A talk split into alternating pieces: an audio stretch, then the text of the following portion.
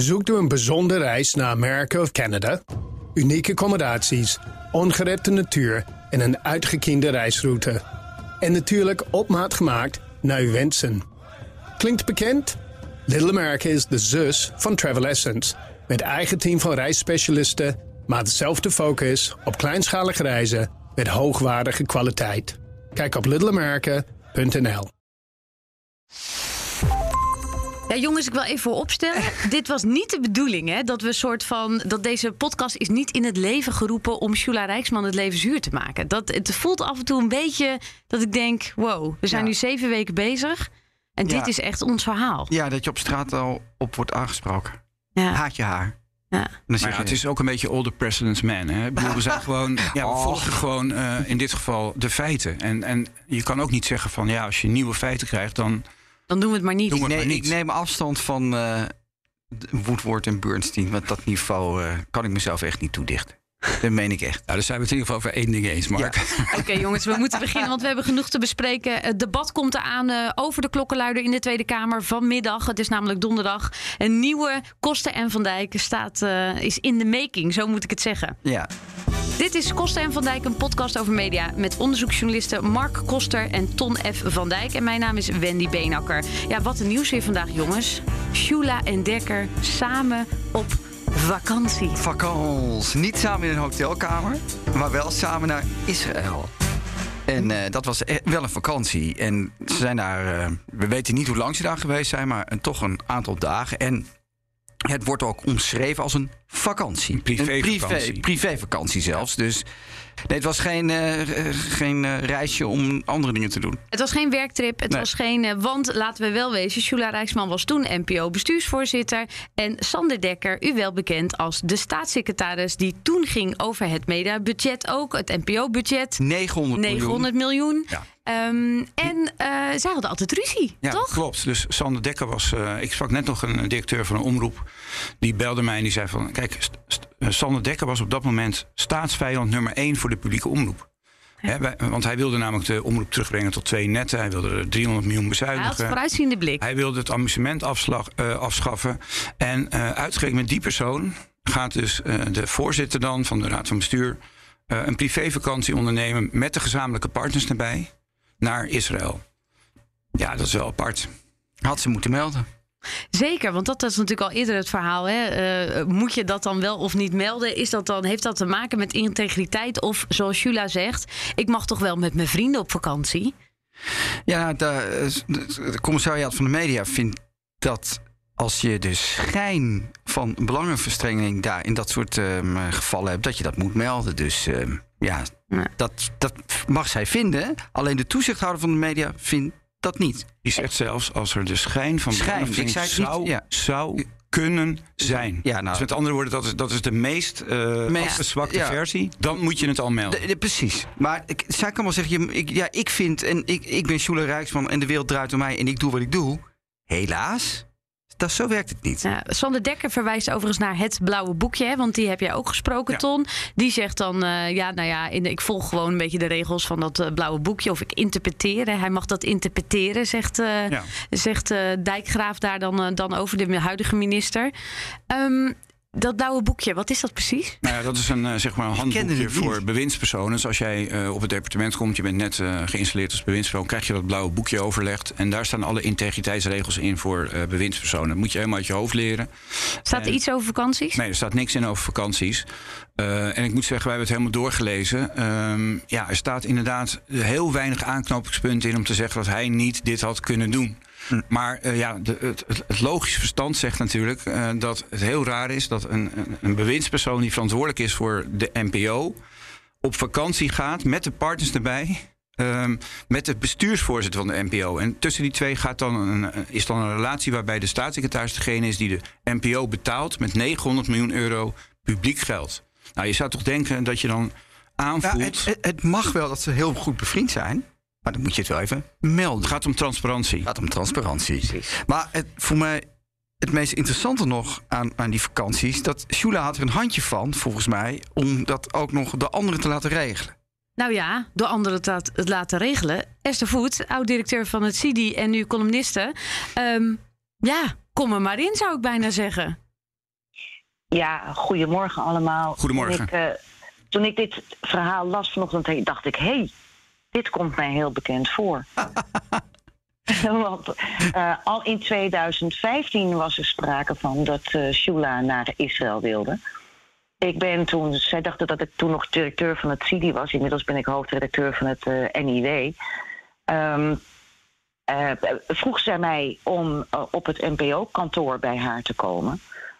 En dat heb ik toen gedaan. En daar zat ook Inge Brakman, toenmalig voorzitter van het Rode Kruis. Oud-voorzitter van het commissariaat voor de media. Ja, Ja, precies. de- een toezichthouder. En ehm, zij vroegen mij of ik voor hen een reis naar Israël kon organiseren. Pardon? Maar dus Ja. je zei, dan moet je bij TUI zijn, of niet? Nou, het, punt was, ik was in de veronderstelling dat het hier ging om een soort studiereis, zoals het CIDI wel vaker samenstelde. Waar je eh, behoorlijk aan de bak moet met het eh, bespreken van allerlei houten methoden in Israël enzovoorts. Dus ik dacht, nou, dat, dat, ja, daar had ik inmiddels ervaring mee. Dus ik denk, ik ga daar even langs. Totaal in de veronderstelling dat het een studiereis zou worden. Dus ik kwam al met wie willen jullie ontmoeten? Willen jullie members of the Knesset ontmoeten? En, eh, maar daar bleek het uiteindelijk helemaal niet over te gaan. Het ging om een club van zeven, acht mensen. Ook de naam van Martijn van Dam werd genoemd. Oud PvdA-staatssecretaris en Overigens bestuurslid van de NPO. Nu Precies. van de NPO. Ja.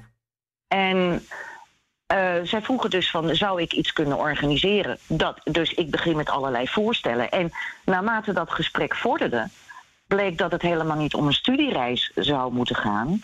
Maar eigenlijk gewoon een soort, inderdaad, vakantiereis. Ja, ze wilden dan wel ook Yad Vashem aandoen. Maar ze wilden vooral leuke dingen ehm, zien... eh, waarmee ze een beeld van zouden kunnen krijgen, krijgen van Israël. Nou, een soort rondreis Israël. Maar Inge Bra- Brakman zat daarbij. Inge was erbij, ja. En die zei niet, wat is dit? En ik heb, nou ja, ik heb, ik heb voor het Rode Kruis gewerkt. Eh, ik heb jaren bladen voor ze gemaakt. Dus ik kende Inge wel. Dus ik, ik vond die combinatie al vreemd, maar daar heb ik verder niet om gevraagd. Eh, eh, maar ik liep uiteindelijk liep ik daar dat kantoor uit. En dacht ik van ja, jongens, jullie kunnen hier beter eh Oppenheim reisbureau voor gaan inhuren. Want dat, eh, die, die organiseren dit soort reizen. Dus, het, dus toen ik dat vanochtend las, dacht ik. Hey. maar even voor de duidelijkheid. Vond jij het bizar dat iemand eh, op eh, gewoon de bestuurslid van de NPO een privéreis op haar kantoor laat organiseren en dat ze jou ervoor belt? Wat, wat dacht je toen? Nou, ik had niet eens door dat het zozeer om een privéreis ging. Dus ik- vakantiereis, ik zat daar toch? Echt, ik, ik zat daar compleet in, in. Dit wordt een studiereis, zoals we wel vaker En zagen. toen zei Dus ze ineens, ik- goh, hoe, hoe zijn die En- stranden eigenlijk op Nou, Tel Aviv? Ja, pre- nou ja, precies zo van. Ja, maar dat was toch echt niet de bedoeling om al die houten methoden te ontmoeten. Nee. Nee, maar- Welke maar dit leuke is plaatsjes Sjoela moeten we aandoen? Ja. En eh, wat adviseer jij als we een mooie reis door Israël willen maken? Dus het was meer een soort netwerkreisje. Eh, ik denk het. Ik denk het. Maar ik, ik liep de deur uit en ik denk, ja, maar jongens, dit is helemaal niet ehm, iets waarvoor je mij had moeten benaderen, Nee, eigenlijk. maar dat was is zoals ze opereert. Ze heeft haar privéleven, liet ze ook vanuit dat kantoor eh, regelen.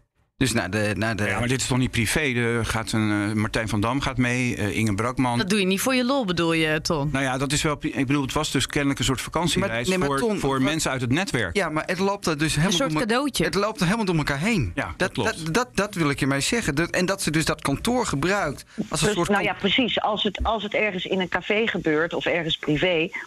Maar de veronderstelling was dat het vanuit ja, haar ehm, positie als eh, NPO-voorzitter kwam. En weet je wat nou het gek is, Esther? Op het moment dat zij dan zegt... ik ben bij, met, met Sander Dekker naar Yad Vashem geweest... dan denk ik, goh, wat mooi dat ze dat met z'n tweeën gedaan hebben. Je durft bijna niet te vragen of ze ook nog Ja. in de zon hebben gelegen. Nou, dat, ja, daar heb ik een beetje een eh, smaak van in mijn mond, want dat schuift ze nu naar voren. Eh, en eh, ja, ik vind dat eigenlijk een beetje witwassen, zullen we maar zeggen. Waarom? Nou, kijk, als jij een, een privéreis gaat doen en eh, met Sander Dekker en je schuift nu vooral naar voren, ja, dat was om hem Yad Vashem te laten zien. dan ga je inderdaad je afvragen: ja, is dat niet een, uh, ja, iets van een doekje voor het bloeden of zo? Ik was in ieder geval vanochtend uh, verbaasd en had een déjà vu gevoel toen ik dit nieuws hoorde. En wij zijn ongelooflijk blij dat jij dit even met de wereld deelt. Want dit is een nieuw ja, onderdeel van het systeem wat daar toch heerst. Nou, dat, dat is wel. Eh, dankjewel, Esther, voor jouw eh, bijdrage. Dat is, dat is, dit is wel waarom dit zo belangrijk is. Klopt. Het zijn dit soort verhalen die nauwelijks de media halen, maar die wel laten zien. Klopt. Ja, hoe het, hoe, hoe het daar bij de NPO wat normaal is geweest de afgelopen jaren. Ja, maar zo'n Inge Brakman, dat vind ik ook wel, wel raar. Dat die dan, als je die daar al aanspreekt op, misschien wel op het, functioneren van NPO, dat kletst maar wat weg dat houdt dat allemaal in stand. Terwijl ze misschien wel mee is geweest op dat reisje. Ik vind dat echt, ja, goed. Ik vind, ik vind er wat van. Ik vind het schandalig. Dat is, dat is duidelijk. Kijk, Shula die heeft daar een hele andere invalshoek bij. Hè. Die zegt ook in een reactie van... Uh, ja, zoals ik al eerder heb aangegeven... in een publieke functie leer je in korte tijd via het werk dat je doet... veel mensen heel goed kennen. En is het dan de bedoeling dat ik die allemaal in een register van kennissen en vrienden ga aanleggen? Dat lijkt me voor niemand goed. Daarom ga ik verder ook niet in op privérelaties. Dus zij vindt gewoon, uh, ja, uh, dat is heel normaal. Uh, en, en dat is eigenlijk haar modus operandi al heel lang. Dat ze met iedereen probeert ja, privéafspraken te maken. Dat het allemaal door elkaar loopt, privé en werk. Ja, en dat is denk ik toch wel problematisch. ja. ja. ja, ik vind dat inderdaad idioot. Maar wij zijn maar journalisten. Maar de andere mensen vinden daar ook echt iets wat van. Hè? De commissariaat van de media heeft er al wat over gezegd. De NPO zelf heeft ook gezegd. Dit had ze moeten melden, de opvolger van. Ja, maar laten we even. Dus... Ze zijn in het leven geroepen om iemand te dienen. Namelijk laten we het even groot maken, het volk. Het volk heeft de afgelopen jaren niets anders gedaan dan zeggen: we vertrouwen jullie niet meer, we vertrouwen dat systeem niet meer, het klopt niet meer wat daar gebeurt. Dus constant rammelen die eigenlijk aan die geloofwaardigheid van die NPO. Dat hebben we nou, ik bedoel, onderzoek naar onderzoek. Dit is fundamenteel gewoon, dit is het probleem. Nou ja, kijk, waar het om gaat is, we hebben net gezien... die relatie met de topambtenaar brengt dan een klokkenluider in de problemen. En ik sprak net voor deze podcast een uh, omroepdirecteur, een vooraanstaand omroepdirecteur, die zegt: Ja, kijk, wij hebben destijds bij Sander Dekker hebben wij uh, zijn beleid bekritiseerd. We zijn heel vaak afgereisd naar Den Haag. En nu moeten wij lezen dat onze bestuursvoorzitter, die onze belangen diende te behartigen. Eigenlijk um, samen ja, op een privérelatie met die uh, staatssecretaris had. En en toen zei ik, ja, maar kan het niet zijn dat ze dan juist hele goede dingen heeft geregeld voor jullie? En die, mm. toen zei die directeur, ja, dat kan allemaal waar wezen. Maar dan moet je het transparant maken. Zeg dan aan de voorkant, ik ga met deze meneer op vakantie. Want ik dan ga weet iedereen, en dan kunnen we allemaal controleren wat er vervolgens gebeurt. Nee. Ja, want ik ga daar even op het strandlakentje uh, regelen dat uh, die bezuinigingen niet doorgaan. Nou, laten we even uh, verder gaan, want, want, er is nog een belangrijk aspect aan, aan, aan dit hele gebeuren. En dat is dat die klokkenluider van ons hier natuurlijk verhalen over had. Die wilde dit een paar nou ja, maanden geleden al naar buiten brengen. via, een, via de minister, gesprek geregeld, noem maar op. alleen Ton, jij hebt de klokkenluider ook gesproken. Ja, die klokkenluider is dus benaderd om mee te werken aan het onderzoek dat door de minister is gelast, door de auditdienst. Ja, minister Dijkgraaf heeft naar aanleiding van onze berichtgeving uiteindelijk een, uh, een, uh, een onderzoek uh, ingesteld. Ja, en daar gaat ook dat Kamerdebat vandaag deels over. En dat onderzoek dat wordt ja, in de loop van juli, misschien eind juli, worden daar de resultaten van verwacht. Nou, die klokkenluider is benaderd. En we weten ook hoe dat gegaan is. Want ja, de ADR, die onderzoekers, die wilden natuurlijk weten dan wie de klokkenluider is. Maar ja, wie weet dat? Uh, nou, toen hebben ze gedacht, ja, dat weet Marjan Hammersma. Dat is de secretaris-generaal die dat gesprek heeft gevoerd. Maar waar ook dat onderzoek over gaat. En toen hebben ze die Marjan Hammersma gevraagd om contact te zoeken met de klokkenluider. Wendy doet haar ogen dicht. Uh, ja, dus- sorry, dus, Mike. Dus degene die het onderwerp is van het onderzoek legt dan contact met de klokkenluider. En wat ik heb begrepen is dat alle contacten daarvoor via de telefoon waren verlopen. Maar dat er nu een mail is verstuurd. En in die mail wordt er dan gezegd. Ja, wij hebben een uh, gesprek met elkaar gehad. Dus als je die mail leest, snap je ook meteen: oh, dat is de klokkenluider. Uh, zou jij mee willen merken aan het onderzoek van de ADR, mag ik jouw gegevens doorgeven. Nou, en dan gebeurt iets heel merkwaardigs. Want uh, wij hebben ook een, een BO-verzoek ingediend, wet open overheid om uh, alle documentatie en berichtgeving bij het, bij het, departement op te vragen. En uh, nu weten we uit een antwoord dat we hebben gekregen van het ministerie dat uh, omdat Marjan Hammersma de klokkenluider heeft benaderd via haar werkmailbox valt die onder de open overheid, de wet. Dus die ambtenaar heeft nu toegang tot die mailbox. En hij heeft dus ook nu de identiteit van de klokkenluider vernomen. Dus nu weten twee mensen. Ja, op dus, zijn dus minst. iemand hè? die door, door twee Kamerleden naar de minister wordt gestuurd. De minister zegt nee, dat wordt absoluut vertrouwelijk. Niemand komt jouw naam te weten. Nou, nu weet Marjan Hammers, maar lo- logischerwijs natuurlijk. Dat blijkt de vriendin van Jula Rijksman. Maar het is nog erger. Nu weet Wat ook de een, klokkenluider toen niet wist. Nee, hè? maar nu weet ook een WOK-ambtenaar het. Ehm, stelt die WO-ambtenaar ziek wordt. De WO heeft termijnen die ze moeten naleven. Dan gaat er een vervanger in die mailbox. Dan weet weer iemand het. Eh, je mag aannemen dat de secretaris-generaal één of twee secretaresses heeft... die in haar mailbox kunnen. Die hebben dus ook toegang tot de Tom- identiteit van de klokkenluider. En de systeembeheerders van OCW kunnen erin. Maar goed, wat is nu de conclusie? Dat de naam van de klokkenluider dus Ja. in principe gecompromitteerd is... en in the- theorie bij veel meer mensen bekend is Ja. op dit moment. Nou ja, en het nog veel, en nog, En dus nog dat- veel, ja. wat de echte conclusie Precies, is. dus dat, zegt de die, dat die klokkenluider- klokkenluider zegt, dikke middelvinger, ik doe niet meer mee aan het Nee, die onderzoek. klokkenluider zegt dus van ja, ik voel me zo onveilig. Er zijn nu misschien vier, vijf mensen die, die weten wie ik ben. Ja. Ik eh, heb de toezegging gekregen dat dat nooit bekend zou worden. En nu, nu word ik hiermee geconfronteerd. Ik doe niet meer mee. Nee, Want- en, want- en, en, en, als je dat dan ook nog weer rondtrapt. Ik, iemand gaat met zijn goede gedrag gaat een verhaal vertellen over de NPO, hè, over de misstanden die daar zijn. En de conclusie is nu, aan het einde van de dag, is dat de klokluider zich onveilig voelt en niet meer meedoet aan een onderzoek dat ja, wat over hem gaat, wat eigenlijk dus over de rot bij de NPO gaat. ja, als we het over hem hebben, over de klokkenluider, hebben we het altijd over een soort genderneutrale klokkenluider. hè. Want het is een beetje lastig praten om constant hij, zij te zeggen. Of, Hij zei hen, Maar zeggen we dan. misschien maar- is het wel een haar, noemen we hem. Ja, om nee, de maar- boel een beetje te, Precies. in- Nee, maar wij doen al die moeite niet voor niks. Eh, deze klokkenluider zit op een plek eh, bij de NPO die ook... Nou, ja, hij weet veel. Het weet veel. Zij Zij, weet weet, veel. veel. Ja. Ehm, het is een gevaarlijke plek ook. Nou ja, het is in ieder geval een plek eh, waar eh, als je als bekend wordt dat jij degene bent die dit soort verhalen eh, vertelt. Over constructies, over machtsmisbruik bij de NPO. Dat je carrière eh, reëel gevaar loopt. En dat is echt een goede inschatting van de klokkenluiders. Die zeggen Ja. ook om die reden. Ik wil er niks meer mee te maken hebben. Maar dat is ook nieuws, hè?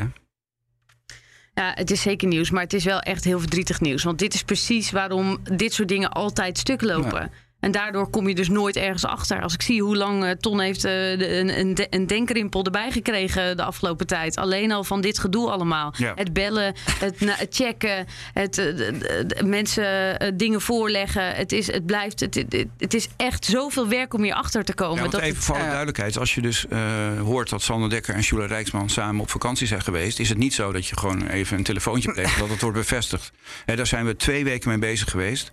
Met alle instanties die je maar kan bedenken, inclusief Ja, Rijksman en eh, Sander Dekker zelf... om dat bevestigd te krijgen. Want eerst wordt het allemaal ontkend of er wordt omheen gepraat. Nou, en wat je dus- uiteindelijk ja, ja, ja. komt het dan op tafel. En wat je dus ook ziet, het is ge- ge- een gecreëerde werkelijkheid proberen ze ons dan te voeren. Eh Sjoele Rijksman zelf belt ook nog weer met Dekker. Die proberen dus dat af te stemmen. ja. Dus als je gewoon vraagt, Wendy, was je daar op dat moment op die tijd? Dan zeggen ze, ja, de zon scheen ook. Dat soort antwoorden krijg je. Of eh, ja, er reden acht auto's. Ja. Dat is niet wat te vragen. Maar Kom jongens, eens door. Het is ook wel een beetje dat. Voelden jullie ook niet dat verwijt eh, op een duur van zijn jullie nou, waar zijn jullie nou mee bezig? Moet nou echt de onderste steen boven? Willen jullie nou echt de gifbeker helemaal leeg eh, laten Nou ja, drinken? Eh, ik voelde ook een beetje dat ik, ik. Ik- begon aan mezelf te twijfelen. Zijn we nou niet bezig met een soort heksenjacht? Wordt het, wordt, is het te veel op Ja, die NPO? Goed, ik, op voor the Money heb ik al, schrijf ik al drie maanden over. En dat, werd- dat wordt tegen je gezegd. Maar ook op het Mediapark. Hou ermee op, joh. Stop ermee. Nou, dat, Dat zegt tegen mij absoluut niet. Ik heb juist heel veel reacties gekregen vanuit de top van de NPO en ook omroepen. Van Ton, je moet nu doorzetten. Ja, maar Leg Ton, het bloot nu pas, hè? Laat het zien. Nou. En eh, ik vind eerlijk gezegd, kijk, het is een terechte vraag. Van, van, hebben jullie iets persoonlijks tegen Jule Rijksman? Nou, we hebben allemaal verteld in de eerste podcast hoe dit is ontstaan. Hè. Mark heeft een eh, mail waarin een hotelbevestiging zit. En ik weet van die klokkenluiden. En die twee verhalen komen bij elkaar. En vanaf dat moment komen wij in een rollercoaster van informatie... die ons eh, wordt toegeworpen door allerlei mensen... of die we zelf vinden. En die voegt steeds iets toe aan het verhaal. En de afweging die wij maken en moeten maken... is gewoon iedere keer... wat we toevoegen, is dat relevant? Nou, uit alle aandacht die er is voor het verhaal rondom eh, Dekker en de vakantie... blijkt dat dat relevant is. Andere mensen vinden dat ook relevant. Ehm, en we moeten inderdaad heel goed kijken van wanneer stop je ermee. Want, want eh, je kan niet zeg maar eindeloos bezig blijven met één persoon. En daar gaat het ook niet Nee, om het eigenlijk. Het gaat om iets groters, namelijk hoe werkt dit systeem? En ehm, ja, dus, dus, dus zolang er feiten zijn en omstandigheden die rechtvaardigen dat je op journalistieke grond iets toevoegt aan je verhaal, moet je dat ook durven. Maar we beloven wel dat we volgende week er weer over praten. Nou ja, volgende week kunnen we nu al zeggen, komen we met. Uh, een, dat gaat niet zozeer over, over Jule Rijksman, maar volgende week gaat het over de constructies. Hoe werkt dat Hoe nou? werkt dat? En we hebben één, één voorbeeld van een constructie. Helemaal uitgewerkt. Maar met we hebben zelfs de boekhouding. Waar wij inderdaad beschikken nu over de onderliggende cijfers. De boekhouding. eh, de, de, de correspondentie. En we kunnen dus volgende week in deze podcast gewoon gaan melden hoe dat werkt. En we kunnen gaan voorlezen hoe die constructie eruit ziet. Ja. En ook, is- ook hoe daar weer over wordt gelogen. En ook hoe, hoe wij weer van. Nou, we hebben heel wat kastjes en heel wat muren weer gezien. Daar gaan we het volgende week over hebben. Maar eerst gaan we eventjes naar iemand anders. Want Willeke Slingerland is hoogleraar weerbare democratie. En ik wil haar, even, ik wil haar gewoon er even bij hebben. Ik wil even horen van haar hoe, ja, hoe zit dat nou in Willeke elkaar? Slingerland. Ja, hallo Willeke. Met eh, Wendy, Ton en eh Markie in de studio. Goedemorgen, Wim. Ja, hey, goedemorgen. Ja, we hebben het al de hele tijd weer over ons nieuws. Eh, vandaag weer naar buiten natuurlijk dat Shula en eh, Rijksman... Sorry, ik, ik mag het tegenwoordig Shula noemen. Helemaal. Ja. Mevrouw Rijksman, de NPO-bestuursvoorzitter... en, eh, en Sander Dekker, de oud-staatssecretaris... met elkaar nou ja, op vakantie zijn geweest. Wij zitten verwikkeld in dit verhaal... eh, waar het begon natuurlijk met Hammersma, de SG en Rijksman... Hoe, hoe heb jij dit? Je hebt het natuurlijk een beetje gevolgd. Je hebt ook met Ton eh, en Mark gesproken. Hoe, hoe kijk jij hier tegenaan? Wat je hoort. Nou, ik vind het interessant. Ik volg het op de voet. En, en deze casus niet alleen. Ik denk dat er heel veel van dit soort voorbeelden oppoppen. Eh, voor mij is het interessant om te zien hoe we met elkaar kijken naar eh, ja, mensen met connecties. Hè. We hebben lang vanuit integriteit gedacht van goh, we verplichten mensen om in topposities met publieke figuren om eh, aan de hand van de gedragscode hun geschenken en hun dienstreizen en nevenactiviteiten op te geven. En we hebben heel lang gedacht van nou, daarmee hè, zijn we transparant en is de kous af. En je ziet eigenlijk dat in dit geval het gaat om, om tripjes die dus niet eens een, een dienstreis betreffen. Het gaat juist om privérelaties, het gaat om informele netwerken. Ja, en formeel hè, wordt dan gekeken, en dat staat het niet in de gedragscode, maar in die gedragscode staat ook dat je altijd de schijn van het belangenverstrengen moet zien te voorkomen. Dus de grote vraag is, eh Willeke, als we hem afpellen... laten we beginnen met de relatie tussen Marjan Hammersma en Jula Rijksman. Ja, Wat vind jij daarvan vanuit zeg maar, dat perspectief? Ja, nou kijk, laat je vooropstellen dat vriendschappen ontstaan. En dat je daar denk ik niet per se regels aan vast moet leggen van met wie je bevriend mag zijn. Maar er gaat wel een, een, een impliciete verplichting van uit dat je daar ook transparant over bent op het moment dat het, ja, die privérelatie direct ook jouw professionele rol raakt. En hier zitten ze zo in elkaars vijver. Het is zo hetzelfde thema. Het gaat zo om, om posities die ehm, nou, misbruikt kunnen worden. Dat je hier wel een extra inspanning eh, eh, op zijn plaats is. Dus, dus welk, welk, welk, welk oordeel geef jij daarover? Wat is dit? Is dit belangenverstrengeling? Ja, op het moment dat je daar niet transparant over bent, is het belangenverstrengeling. En dan is het hè, tussen twee personen, dus eh, heel concreet. Het is een informele relatie die ook de schijn heeft dat er professioneel gewin bij is. Hé, maar Willeke, wat vind jij ervan dat, dat Rijksman daar dan zo overheen stapt? En dat ze bijna, ja, als wij daar dan vragen, dat ze een beetje zo met als een eend schudt van, val me daar niet mee lastig? Hoe, hoe, Nou ja, hoe, hoe ik- kan het dat, die, dat zij anders daarover denkt dan wij, of jij, of het Ja. commissariaat? Hoe, hoe is dat mogelijk? Nou, ik herken dat. Ik spreek veel met ook lokaal bestuurders en ik zie dan hetzelfde. Hè, als eerste reflex van, goh, waar heb je het over? En ik, ik werk hard voor de goede zaak. Ik word hier zelf niet beter van. Eh, ik denk dat dat komt ook door de, wat ik dan hè, de, de netwerken noem, de bubbel waarin je verkeert. Op het moment dat je in zo'n positie met allemaal gelijkgestemde mensen met macht en invloed, eh, die allemaal voor het grote goed bezig zijn, en je omringt jezelf met die personen, heb je eigenlijk niet door dat daar, als daar vriendschappelijke relaties ontstaan en je informele contact onderhoudt, dat dat direct jouw ambt raakt. Dus het is echt een blindheid, een ethische blindheid. Maar bijvoorbeeld Marjan Hammersma zegt... ja, ik kan privé en zakelijk heel goed scheiden. Ja, maar dat is niet aan de persoon zelf. En dat is denk ik waar we naartoe moeten vanuit integriteit Dus er moeten niet nog meer verboden. Hè. Dus ik ben absoluut niet voor het verbieden van dit soort vriendschappen. Die moeten er zijn. En, en ik denk dat dat ook heel veel waardevol eh, in, in sociaal kapitaalopzicht oplevert. Maar het risico is wel dat je op deze manier super kwetsbaar bent. En op het moment dat je daar open eh, over bent aan de voorkant, dan ben je zelf ook weerbaarder om een goed verhaal op te houden en scherp te zijn. Eh, waar jij privébelangen die zakelijke belangen gaan raken. En het is nooit aan de persoon zelf om de eigen integriteit te beoordelen. Want dan zouden we alleen maar integere mensen in Nederland hebben. het gaat er juist om dat je open bent, zodat anderen jou scherp kunnen houden. En ook kunnen voorkomen dat dit soort zaken escaleren. Dus wat is de geldende norm als het gaat om zeg maar, het scheiden van privé en, en zakelijk? Hoe, hoe ga je daar dan mee om?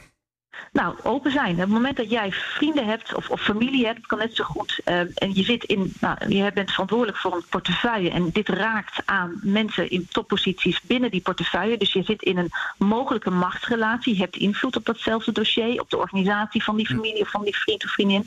Dan moet je daar open over zijn richting je leidinggevende. En liever nog daar open over zijn, ook richting juist operationeel, richting de mensen in je organisatie. Ja, en nu, nu raak je ook even eigenlijk ons verhaal van vandaag. Hè? Dus Dekker, staatssecretaris en Shula Rijksman, toen bestuursvoorzitter van de NPO. Hij toen staatssecretaris zijn samen op vakantie geweest naar Israël. Dan zegt Dekker, ja, volgens, de, volgens het boekje hoef ik dat niet te melden. Hè? Daar hoef ik, ik heb gewoon, da, daar is niks mis mee. Maar daar is die machtsverhouding natuurlijk wel. Hè? Hij ging over die 900 miljoen die uiteindelijk uh, door Shula naar binnen gehengeld moesten worden. Nou, die, die machtsverhouding is hier, denk ik, in, alle, hè, in deze driehoeksrelatie zou je kunnen zeggen, is die sowieso overal aanwezig. En het argument dat je het niet hoeft op te geven omdat het een privéreis is, dat gaat wat mij betreft niet op. Maar het laat ook zien hoe eigenlijk de gedragscode en het blauwe boek niet meer functioneren. Want daarin worden eigenlijk vooral de nevenfuncties en geschenken en dienstreizen, die dien je op te geven. Terwijl wij in praktijk zien dat juist die informele relaties, daar gaat veel meer invloed van uit. Willeke, nou, nou volg ik jouw werk een beetje. En jij, jij hebt wel eens een woord gebruikt, dat, je noemt het dan netwerkcorruptie. Althans, eh, de stukken die ik van jou daarover heb gelezen en in je interviews. Vind jij dit een voorbeeld van netwerkcorruptie?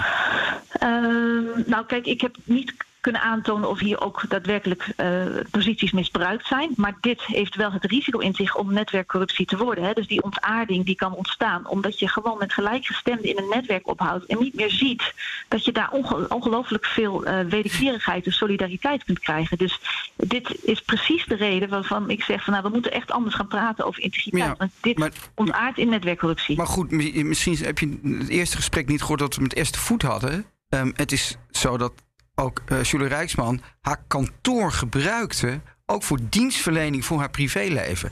Dat, is toch wel. Ja, ik, ja. ik, ga geen leidende. Ik ga je niet iets in de mond leggen. Nee. Maar dat grenst aan corruptie, toch? Uh, dat, nou, dat, dat grenst aan die netwerkcorruptie. Dat je ziet dat het collectief hier, hè, dus de personen in, in, in, in dit netwerk, allemaal um, nou ja, blind zijn voor uh, de wederkerigheid die ze elkaar bieden blind zijn voor de wederkerigheid die zo. Ik herhaal wat je zegt. En wat ik wel interessant vind, dat, daar zit dan zo'n hele keurige dame als Inge Brakman. Daar zit mm -hmm. Martijn van Dam, een PvdA-Kamerlid, nu best, eh, notabene mm -hmm. bestuurder bij de NPO.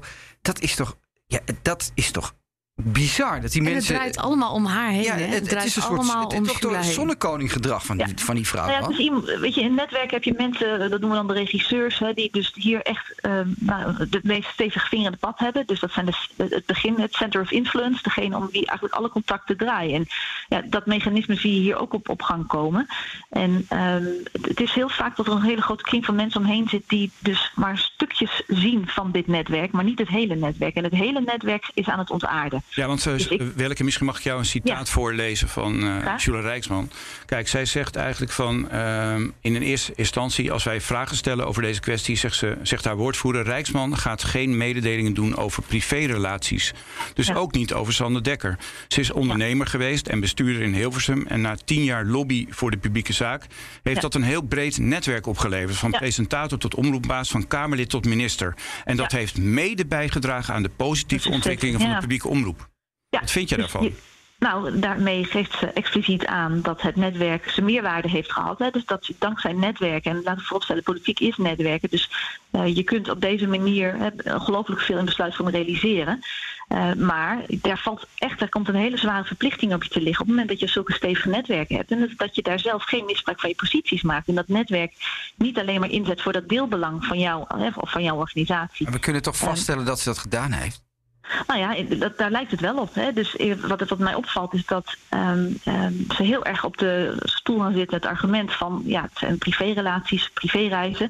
Maar dat is nou precies wat ik erop tegen heb. Dat we nog steeds ook gewoon, als je kijkt naar de letter van de gedragscode, staat er ook niks over privéreizen. Maar het ja. gaat om de bedoeling van de gedragscode. Precies. De sociale code is dat je transparant bent over wie je kent.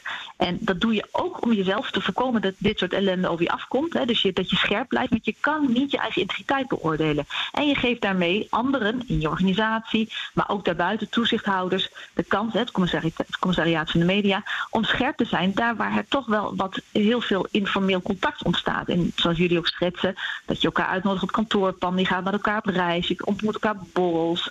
Allerlei nou, sociale momenten die heel veel, uh, waar heel veel invloed van uit kan gaan, waar heel veel uitrol kan plaatsvinden. Maar jij gebruikt net het woord uh, ja, netwerkcorruptie. Daar zit het woord corruptie in. Dat is natuurlijk een heel zwaar woord. Ja. Uh, je zegt ook van ja, eigenlijk is zij een beetje de, de regisseur in zo'n netwerk. Ja. Um, maar is dat niet eigenlijk te zwaar? Want, want ja, zij zegt, joh, ik heb daarvoor heel veel goede dingen gedaan voor de publieke ja, Ja, zeker. Nee, maar dat is het idee ook van netwerkcorruptie. Het gaat hier niet om individuen die corrupt zijn. Het gaat ook niet om omkopingen. Hè. Ik heb die term ooit gelanceerd omdat ik zag dat wij in Nederland worstelen met de vraag... hoe gaan we met onze macht en onze posities om? Hm. Dus dat we proberen dingen in regels te vatten...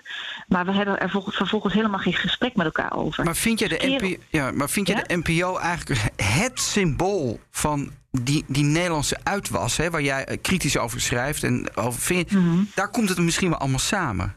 Of nou ja, vul ik, het veel voor je in? Vind, nou, nou ja, wat, wat ik wel hierop kan zeggen, wat ik tragisch vind, natuurlijk dat, je hier ook, dat hier ook een klokkenluider een rol heeft gespeeld. Die dingen, hè, onder andere ook de, de balken en de norm en de, en de salarissen van presentatoren um, bloot heeft willen leggen, daar iets over heeft willen bespreken. Dan denk ik, nou, dit zijn toch mensen die durven kritisch, het kritischste geluid in die NPO-wereld te laten horen. Ja, en dan zie je eigenlijk dat door die netwerken daaromheen zo iemand de deksel op de neus krijgt. Dus komt er een boemerang terug. Dus hier komen allerlei verschillende Nederlandse fenomenen samen. Namelijk het, elkaar niet aanspreken, uh, hoe we omgaan met het kritische geluid, met, klokkenluiders of mensen die intern willen uh, melden. En de netwerken, de enorme verwevenheid tussen mensen in positie in Nederland. En dat alle drie samen maakt dat zo'n casus ja, vreselijk escaleert. Maar, maar hoe ernstig is dit, deze zaak? Want jij hebt deze zaak ook voor ons bekeken. Wat is nou jouw, jouw, jouw fundamentele oordeel over wat hier gebeurt? Nou, ik denk, zoals ik net al aangaf, dat we uh, doen als, alsof er op basis van vertrouwen heel veel mogelijk is en dat we alles bij een persoon zelf houden. En dat we dus zien dat je daarmee ongelooflijk veel ellende over je heen, over jezelf en je organisatie, in het publiek bestel en de politiek uh, op, over, over, je heen roept. En ja, dat vind ik, vind ik heel tragisch, dat dit soort kwesties, dit raakt de beeldvorming, dit raakt de politiek, dit raakt het gezag van instituties. En ik, ik, ik hoop gewoon elke keer dat zo'n casus ontstaat, dat er een soort leereffect ontstaat. Hè? Dat je dat opnieuw zien van god, we moeten niet meer alleen maar op de, de starre regel van de gedragscode gaan zitten, maar we moeten met elkaar praten over wie ken je en hoe ga je daarmee om. Niet om te verbieden, maar om open te zijn, transparant te zijn en daarmee controleerbaar. Maar is het ook verwijtbaar? Ja, ik vind dat uh, het hele idee van uh, je bent een beetje tegen of je bent niet, dat is al lang achterhaald. We bevinden ons in de huidige constellatie permanent in grijstinten. Ik zeg ook altijd, hè, integriteit is nu dat je altijd in, in grijs gebied bevindt, dat er altijd risico's op de loer liggen. En dat je daar dus veel meer openheid van personen zelf uh, mag verwachten.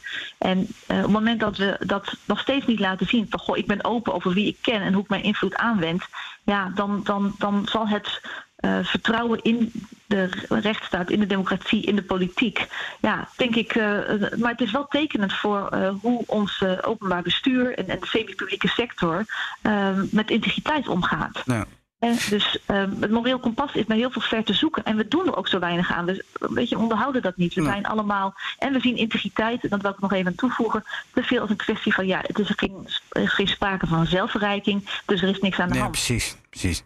Dankjewel, ja. Willeke. Dankjewel. Dankjewel. Oké, okay, succes. Hoi. Hey. Het voelt toch een soort legitimering hè, voor wat we aan het doen zijn. Ja, niet nou, hebben jullie dat niet? Ik, dat je gewoon denkt, ik, we moeten hier ook echt mee doorgaan. het minste hoor, want ja, nou ja, we hebben het er net over gehad. Dat kan me niks schelen. Je volgt, je, je volgt de journalistieke principes. Hè? Zijn de feiten relevant? Is het nieuws? Voeg je iets aan toe? Heb je wederhoor gepleegd? En, en leidt het tot een relevant nieuwsverhaal? Ja. Maar natuurlijk is ook de taak van de journalistiek om vervolgens dat nieuwsverhaal in een context te plaatsen. En dat hebben we net gedaan. En uh, Willeke Slingeland is gewoon in Nederland toonaangevend als het gaat om uh, oordelen integriteit. over integriteit, uh, netwerkcorruptie. Nou, zij vindt duidelijk dat er hier iets aan de hand is. Ja, nou, dat sterkt ons in ieder geval in onze journalistieke keus om hier iets mee te doen. En verder kan iedereen daar natuurlijk zelf alles van vinden. Hey, weet je wie ook wat vindt? Het is Geert Dales. Ja hoor, hij is er weer met een nieuwe column deze week. Hypocriet van de week.